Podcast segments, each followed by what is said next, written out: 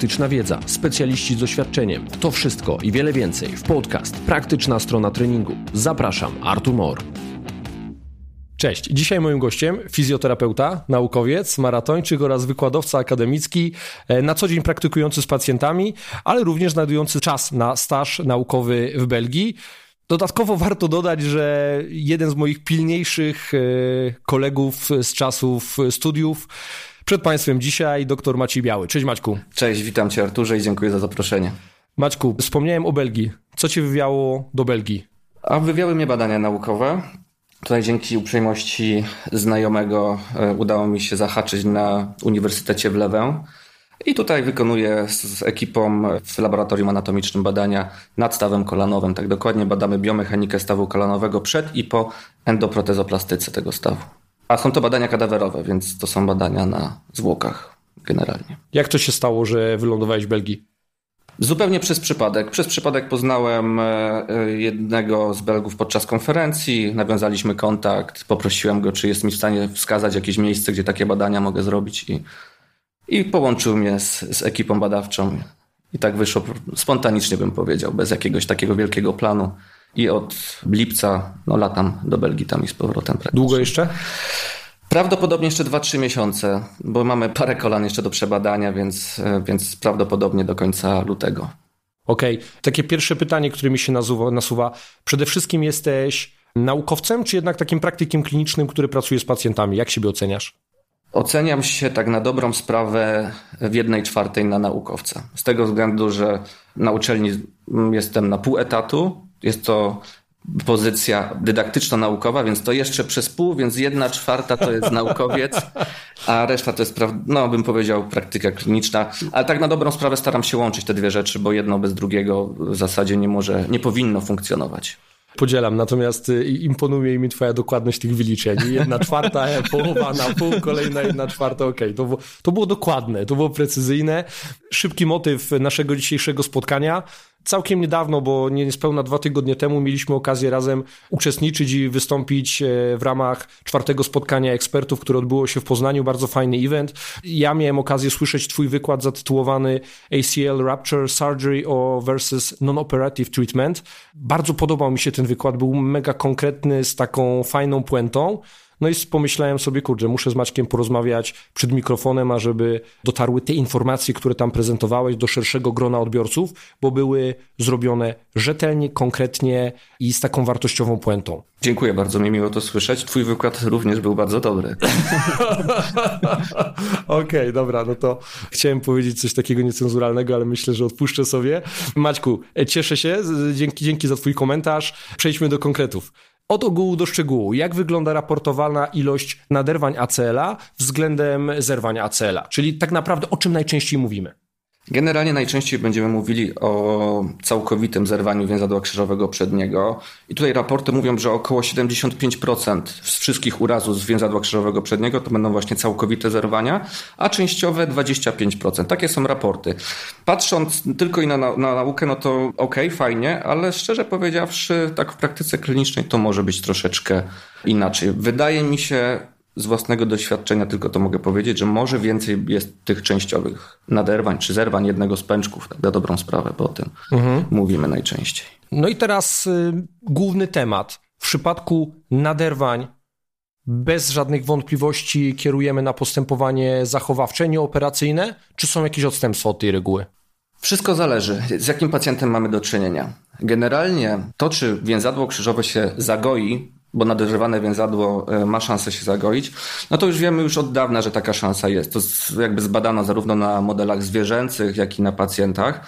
I faktycznie częściowe zerwanie więzadła krzyżowego przedniego w 60% jest w stanie się zagoić. 50, 60 różnie to są, są dane. Ja szczerze powiedziawszy, jeżeli mam podejrzenie częściowego zerwania więzadła, zawsze prowadzę pacjenta na początku zachowawczo, a potem ewentualnie, jeżeli mamy problem z tym pacjentem, faktycznie kolano ucieka, pacjent czuje, że kolano jest niestabilne, wtedy kieruje na zabieg operacyjny. Więc generalnie Dużo badań, teraz też bardzo fajne nowe badania, gdzie pacjentów w randomizowany sposób zapisano albo do grupy operacyjnej, albo do grupy leczeniem zachowawczym z możliwością ewentualnej operacji. Bardzo fajne dane właśnie z tego roku. Y, około 50% pacjentów z tej grupy skierowanej na leczenie zachowawcze było na tyle dobrych, że się w ogóle nie zoperowało. Mhm. Dlatego to jest całkiem duży odsetek pacjentów. Tutaj musimy zaznaczyć też bardzo ważna sprawa. Mówimy o izolowanym uszkodzeniu więzadła krzyżowego przedniego bez jakichś uszkodzeń towarzyszących, typu uszkodzenie łąkotki, rączka od wiadra, typu uszkodzenie chrząstki. Czyli tutaj stricte mówimy o izolowanym uszkodzeniu więzadła krzyżowego przedniego, żeby była jasność. Okej, okay. a jak to wygląda w przypadku pełnego zerwania acela? W przypadku pełnego zerwania acela... No to jest bardzo ciekawe pytanie i trudne. Generalnie moim zdaniem nie może się zagoić, jeżeli faktycznie mamy całkowite zerwanie węzadła krzyżowego przedniego. Ale parę takich prac jest, że faktycznie naukowcy raportowali i są na to obrazy w rezonansie magnetycznym, że u pacjenta wykryto zerwane więzadło krzyżowe przednie i mamy rezonans na przykład dwa dni po urazie, a po dwóch latach nagle widzimy ciągłość więzadła w, też w rezonansie magnetycznym. Także jest takie badanie, gdzie jest właśnie 14 case'ów takich przedstawiono, z takim dosyć długim follow-upem, dwu, trzyletnim. I faktycznie u tych pacjentów to więzadło, więzadło było. No pytanie jest tylko takie, czy faktycznie było całkowite zerwane, czy nie ma tutaj, nie ma tutaj jakiegoś błędu w diagnostyce, bo też tak może. może Sam być. rezonans, on nie ma stuprocentowej czułości i specyficzności. Dokładnie tak, e, szczególnie jak jest wykonywany zaraz po urazie. Tak to teraz co ma dla ciebie większą wartość kliniczną do oceny, czy ACL jest zerwany, czy nie? Specjalne testy kliniczne, czy jednak ten rezonans? Co wygrywa, co przesądza o tym, czy mówimy o zerwaniu, czy nie? Tutaj nie ma wyższości jednego nad drugim, trzeba skorzystać i z jednego i z drugiego. Żeby faktycznie ocenić, czy to więzadło jest zerwane, to raz, że musimy zrobić wszystkie testy kliniczne oceniające jakby wydolność tego więzadła. Dwa, musimy mieć też potwierdzenie w rezonansie. Także i jedno, i drugie.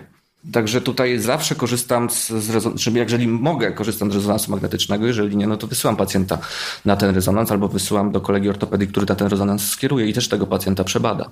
Na ile realną wartość w Twojej praktyce klinicznej mają te specjalne testy? Na ile Ty oceniasz ich rzeczywistą skuteczność?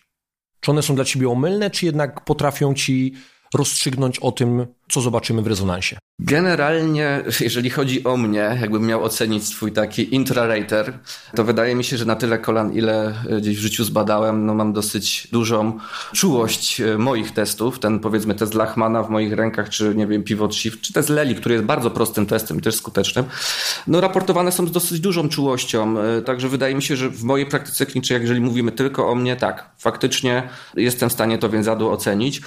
Też często jestem w stanie ocenić częściowo zerwane więzadło. Mhm. I do tego pomocnym jest właśnie test Leli czyli mhm. test y, dźwigni, inaczej mówiąc. I fajnie mi się to też sprawdza jakby w rezonansie magnetycznym, że ja mówię pacjentowi, że pokrywa się. Pokrywa się, tak, tak. Nie u wszystkich pacjentów, oczywiście nikt nie ma 100%, ale fajnie mi się pokrywa. Też mam możliwość jakby konsultacji rezonansu z bardzo dobrym radiologiem, który ocenia 900 kolan rocznie, prawda? Mhm. No to jest dosyć sporo. Więc tutaj te konsultacje też i z ortopedem, i z radiologiem są bardzo ważne, bo dopiero wtedy możemy jakby finalnie zaproponować coś naszemu pacjentowi. Ja powiem Ci o motywie tego pytania. Wiemy, że na finalne rozstrzygnięcie, czy test kliniczny będzie miał wartość, czy nie, wpływa pewien proces. Mamy na początku prawdopodobieństwo przed testem, pretest probability. No i tutaj, jeżeli trafia do gabinetu, do ciebie, do mnie ktoś i mówi, byłem na nartach, wykręciło mi nogę, kolano mi spuchło, zabolało, no to już wiemy, że patrząc sobie na literaturę, ten pretest probability sprawia, że mamy już tutaj szansę, że 40% jest, że więzadło krzyżowe zostało uszkodzone. Nie?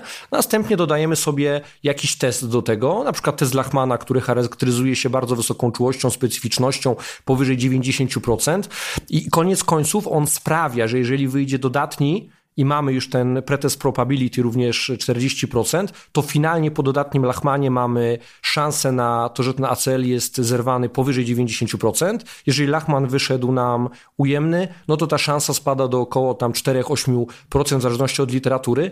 Dlaczego o tym mówię? Te testy plus dobry wywiad mają naprawdę rzeczywiście realną wartość kliniczną, porównywalną do rezonansu. Tak, dokładnie tak. Ja się z tym zgodzę. Mają. Ale ja wolę mieć zawsze jeszcze rezonans. Ja również. Natomiast jakby akurat mówię, że w tym przypadku Acela ten Lachman i dobry wywiad potrafią zrobić naprawdę kawał dobrej roboty, a z wieloma testami specjalnymi jest dokładnie odwrotnie, czyli robią tylko szum informacyjny i to jest rzucanie monetą, flipcoin. Dokładnie tak. O motywach trochę tego, czy, czy operować, czy nie. Większość osób, z którymi zdarza mi się spotykać, ma takie przekonanie, że tego acela trzeba zrobić, bo jeżeli go nie zrobimy, zwiększamy sobie szanse na to, że dopadnie nas szybciej albo w większym stopniu um, choroba zwyrodnieniowa stawu kolanowego. A jak to wygląda, jak wyglądają fakty? Fakty wyglądają dosyć ciekawie, bo nie ma przewagi badań, które powiedzą, że tak, faktycznie zabieg rekonstrukcji mięsa krzyżowego przedniego jest w stanie spowolnić rozwój choroby zwyrodnieniowej. Jest parę badań, które pokazują, że po urazie w leczeniu zachowawczym i zarówno po leczeniu operacyjnym odsetek choroby zwyrodnieniowej jest na tym samym poziomie mniej więcej w tych dwóch grupach.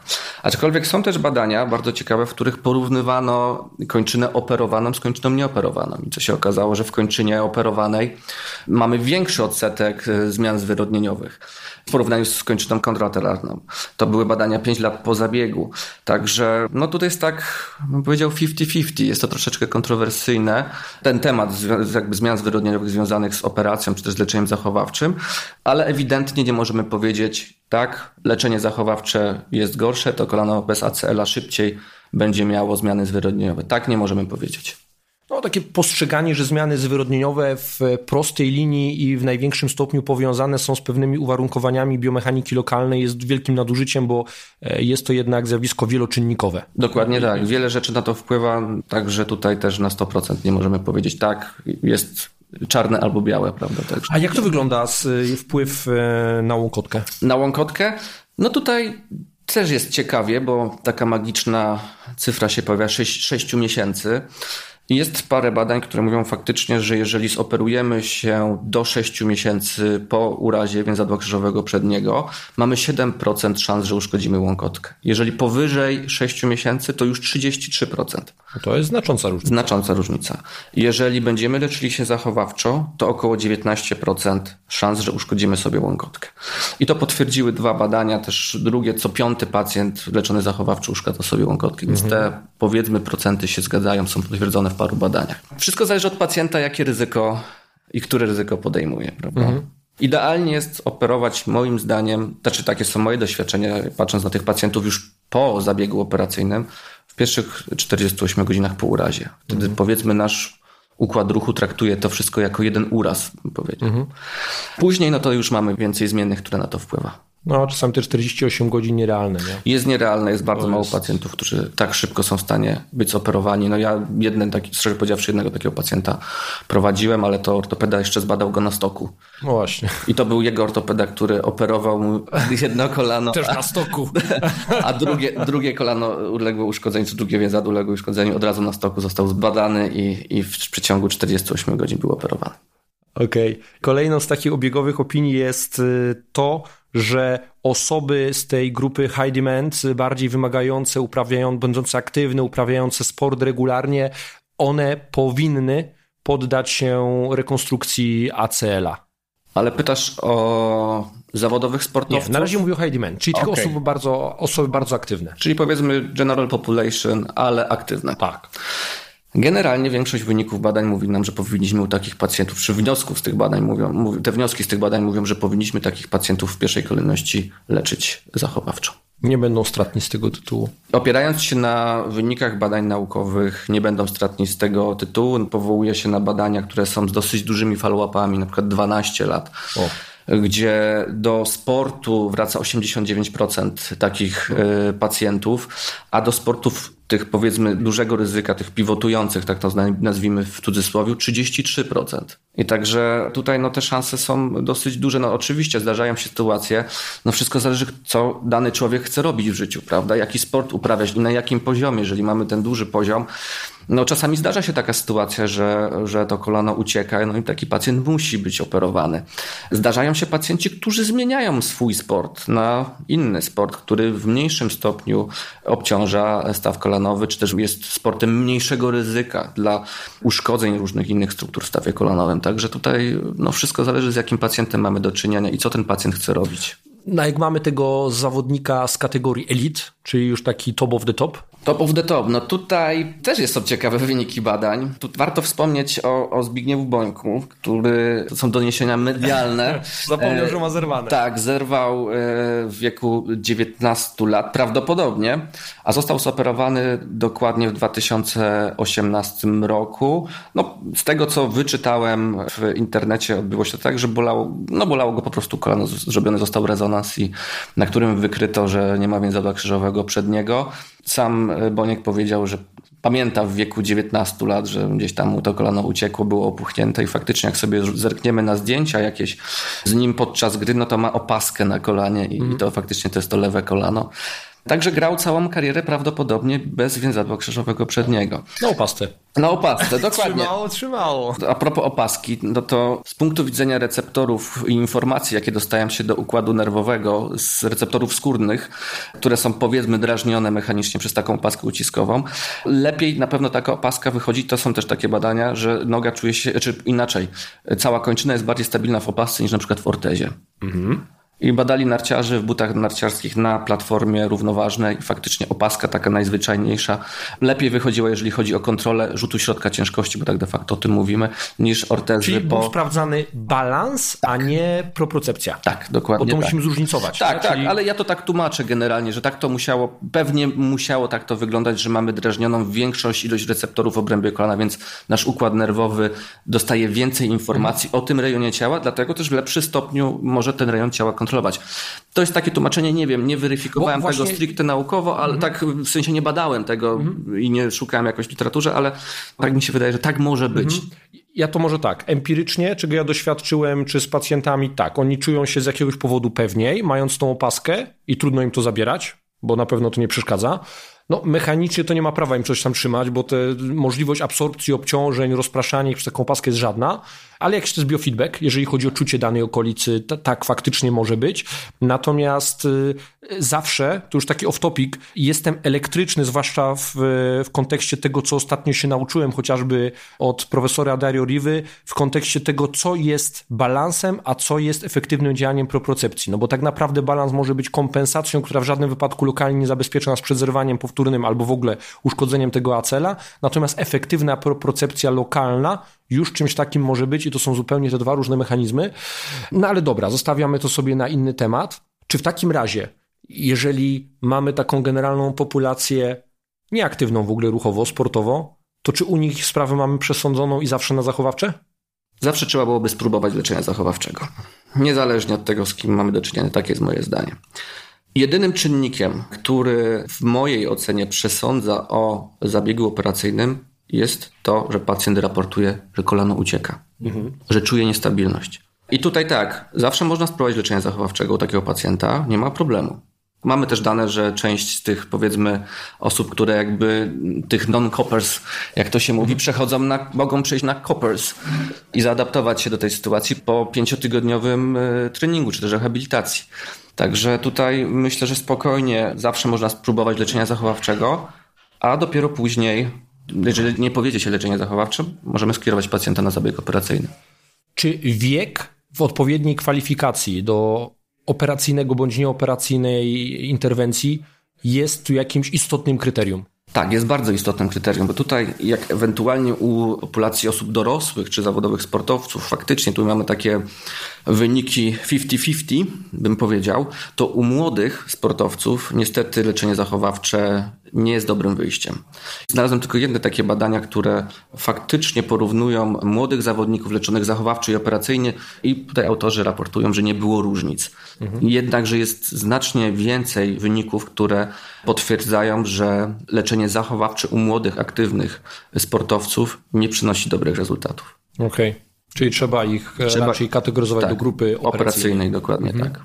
Dobra, czyli wyłania się nam już z tego jakiś obraz, kogo operować, kogo nie operować i dlaczego.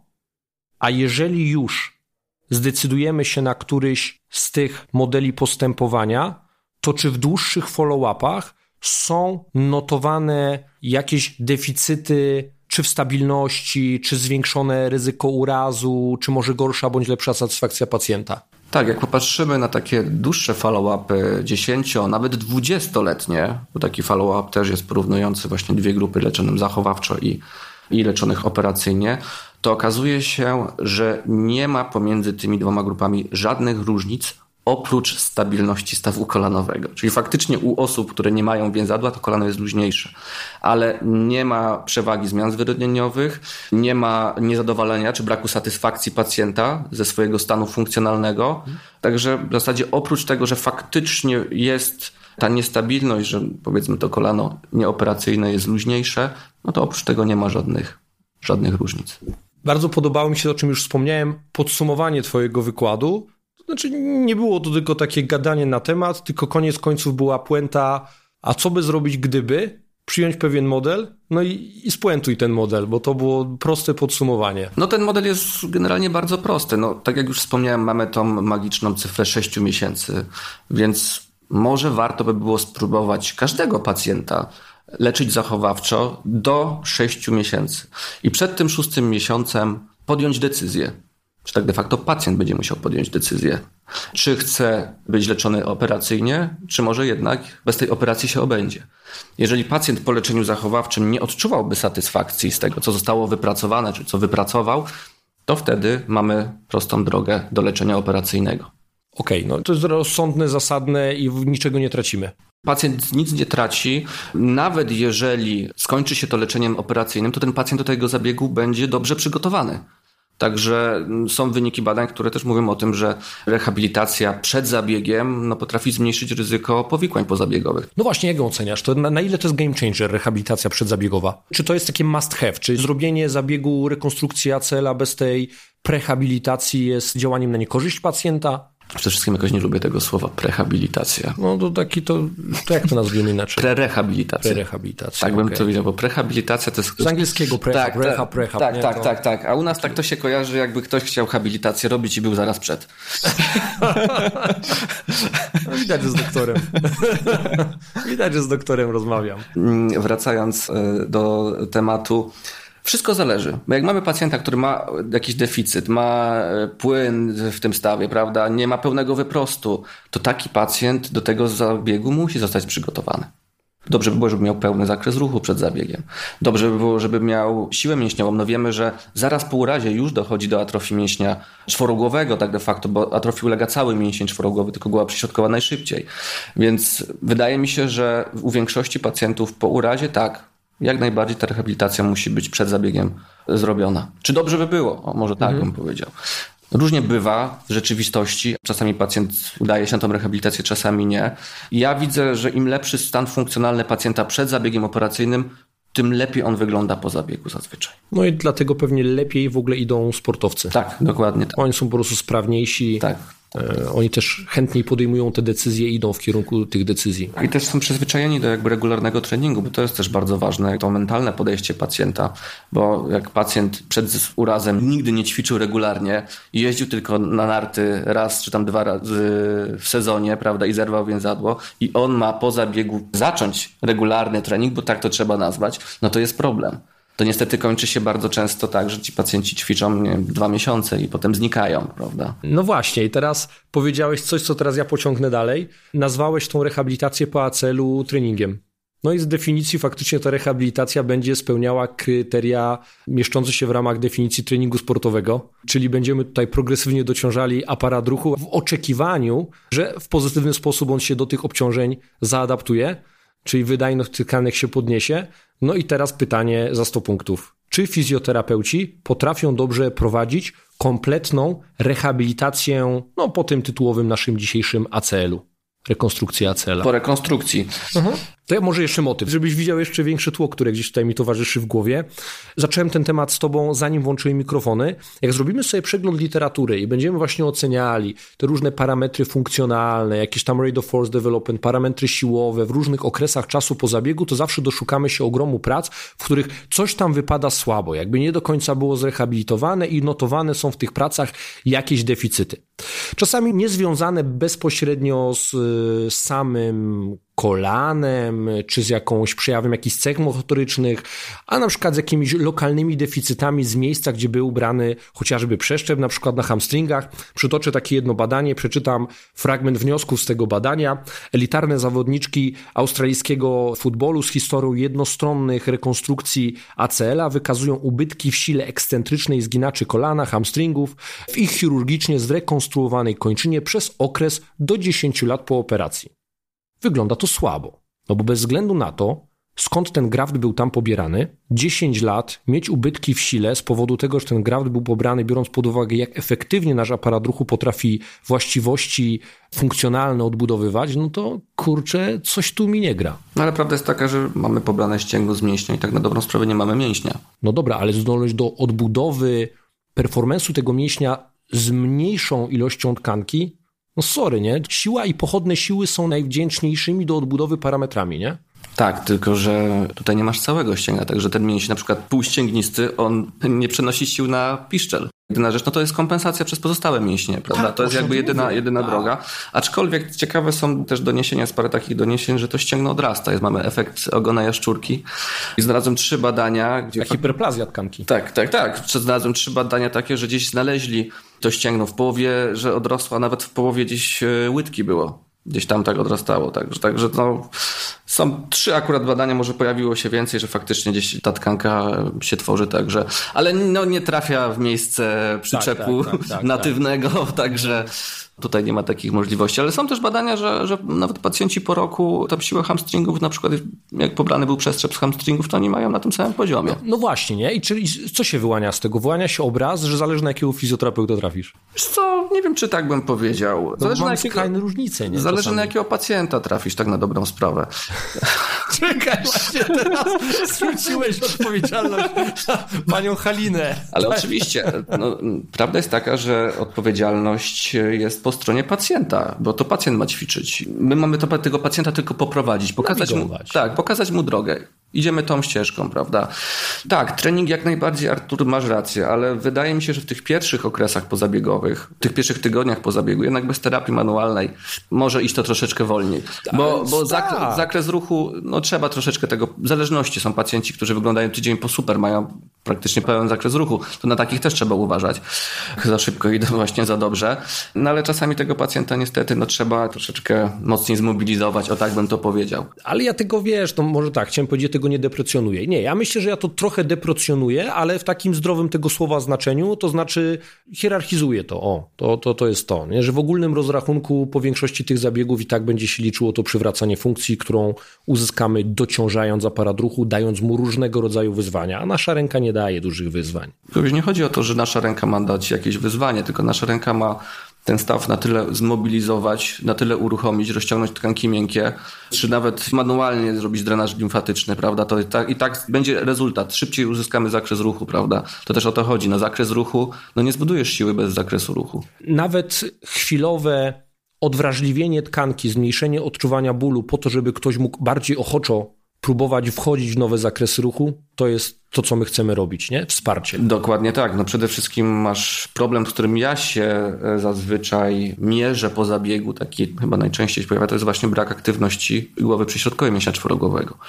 I tu faktycznie, żeby ją w cudzysłowie odpalić, no trzeba zniwelować obrzęk, trzeba pozbyć się bólu, Także bez tego. Tylko ta głowa przyśrodkowa de facto ona musi odpalać, bo ma to samo unerwienie, nie? Co cała czwórka. Czyli tam jakby ona jakby selektywnie ona nie może. Nie, być... nie, tutaj nie jesteśmy w stanie selektywnie odpalić głowy przyśrodkowej, nawet nie o to chodzi.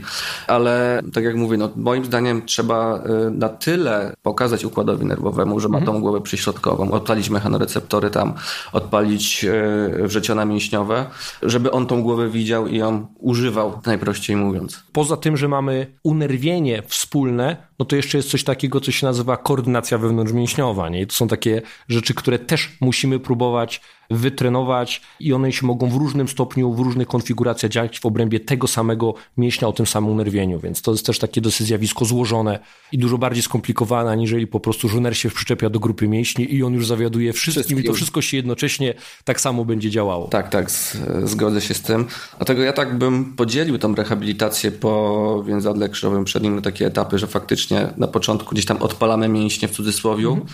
uzyskujemy zakres ruchu, a potem, jeżeli mamy zakres, przechodzimy w trening, prawda? Mhm.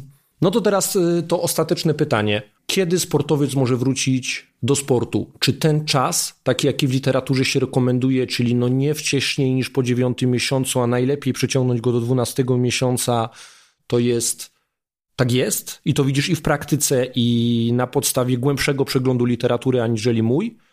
Czy są tu jakieś nadużycia i takie bardziej obiegowe opinie? Jakbyśmy przeglądnęli ilość urazów na przykład u zawodowych e, piłkarzy, to są dane UEFA z, chyba z ostatniego roku opublikowane, to 20% zawodników ulega powtórnej kontuzji. 20% są to no, dosyć duży odsetek, bym powiedział. Jedna piąta, także to jest sporo.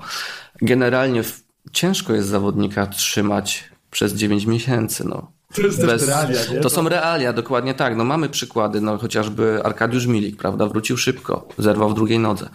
Jeżeli się nie mylę, też Błaszczykowski, też długo go trzymali, bym powiedział w cudzysłowie, bo chyba 6 miesięcy, po 6 miesiącach wrócił i to pamiętam dobrze, że w pierwszym meczu, w którym zagrał, naderwał mięsień czworogłowy bezkontaktowo, także tutaj mhm. też coś było nie tak, prawda. Więc y, niestety no, w praktyce powiedziałbym, że to chyba nie funkcjonuje, że faktycznie mhm. czekamy 9 miesięcy, czy sportowiec czeka 9 miesięcy, żeby wrócić do gry na, na, na 100%. No nie wiem, chyba, że znasz jakiś przykład, to... Nie, nie znam. Nie znam. Im dłużej jestem w branży, to mam wrażenie, że te rekomendacje co do 9-12 miesięcy, one u podstaw mają to, że ta rehabilitacja mimo wszystko statystycznie nie jest prowadzona tak, jak mogłaby być prowadzona, i tutaj ten czas trochę kamufluje te deficyty. I nie przekonuje mnie argument, że mocno zaawansowana proliferacja, ona właściwie wcześniej już się skończy, a potem ten remodeling, który zaczyna trwać i odbudowa właściwości strukturalnych, a tym samym też potem w konsekwencji mechanicznych ścięgna jest tutaj game changerem, bo samo to ścięgno się nie obroni. Jednak ta wydajność tkanek dookoła do przenoszenia tych obciążeń, stabilizowania całej struktury stawu kolanowego jest dużo ważniejsza dla ochrony samego ścięgna, aniżeli samo to ścięgno dla siebie. No, tylko tutaj mamy znowu trochę danych i okazuje się, że osoby, które wyglądają bardzo dobrze, w sensie sportowcy, którzy szybko uzyskali zakres ruchu, szybko uzyskali dosyć dużą pewność tego kolana, siła mięśniowa jest na, na odpowiednim poziomie, super wychodzą w testach funkcjonalnych i wracają za szybko, to tacy też się zrywają. I to jest jedna z grup ryzyka. I tutaj mamy też e, no, dużo zmiennych, na które, które na to wpływają, no bo to nie jest nie tylko jakby właściwości mechaniczne przeszczepu, ale też mamy właściwości anatomiczne danego pacjenta. Mamy chociażby hipermobilność. I taki pacjent, który ma hipermobilność, on co byśmy nie zrobili, on ten przeszczep zazwyczaj będzie troszeczkę luźniejszy miał, bo ten przeszczep zazwyczaj się troszeczkę rozciągnie. Także tutaj mamy bardzo dużo czynników, które na to wpływają i nie wiem, czy tak do końca można generalizować i powiedzieć tak albo tak, tu znowu musiałby stanąć dany pacjent, prawda? Musielibyśmy go zbadać i powiedzieć, mhm. ok, ten może wrócić, ten nie bardzo, prawda? Ten dobrze kontroluje tułów, ten nie kontroluje, prawda? Podczas, podczas I, trochę, zmian kierunków tak, biegu na przykład, tak, prawda? Także tutaj jest tak, wiele tak, czynników, tak. które jakby na to wpływają i tutaj nie wiem, czy tak do końca chodzi o tą ligamentyzację tutaj i, mhm. i tą przebudowę przeszczepu, ale faktycznie są wyniki badań, że aktywność biologiczna w obrębie przeszczepu może trwać do 48 miesięcy. No to jest remodeling, nie? Trwa do dwóch lat i to wiemy.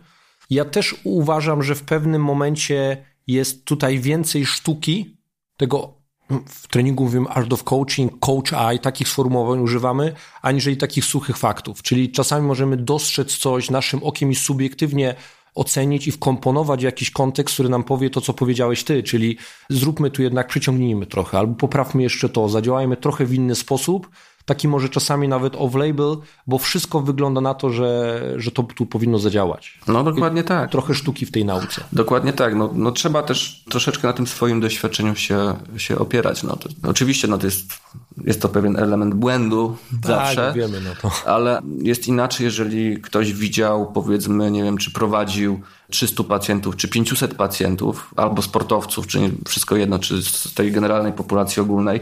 A jak ktoś prowadzi jednego pacjenta po acelu rocznie, prawda, także, także on na pewnie zobaczy mniej. Także to też zależy no, od osoby prowadzącej danego pacjenta i od samego pacjenta.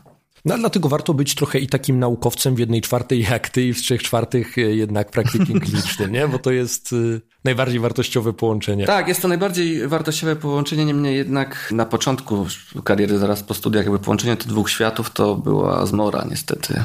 Bo tutaj dużo rzeczy się wykluczało.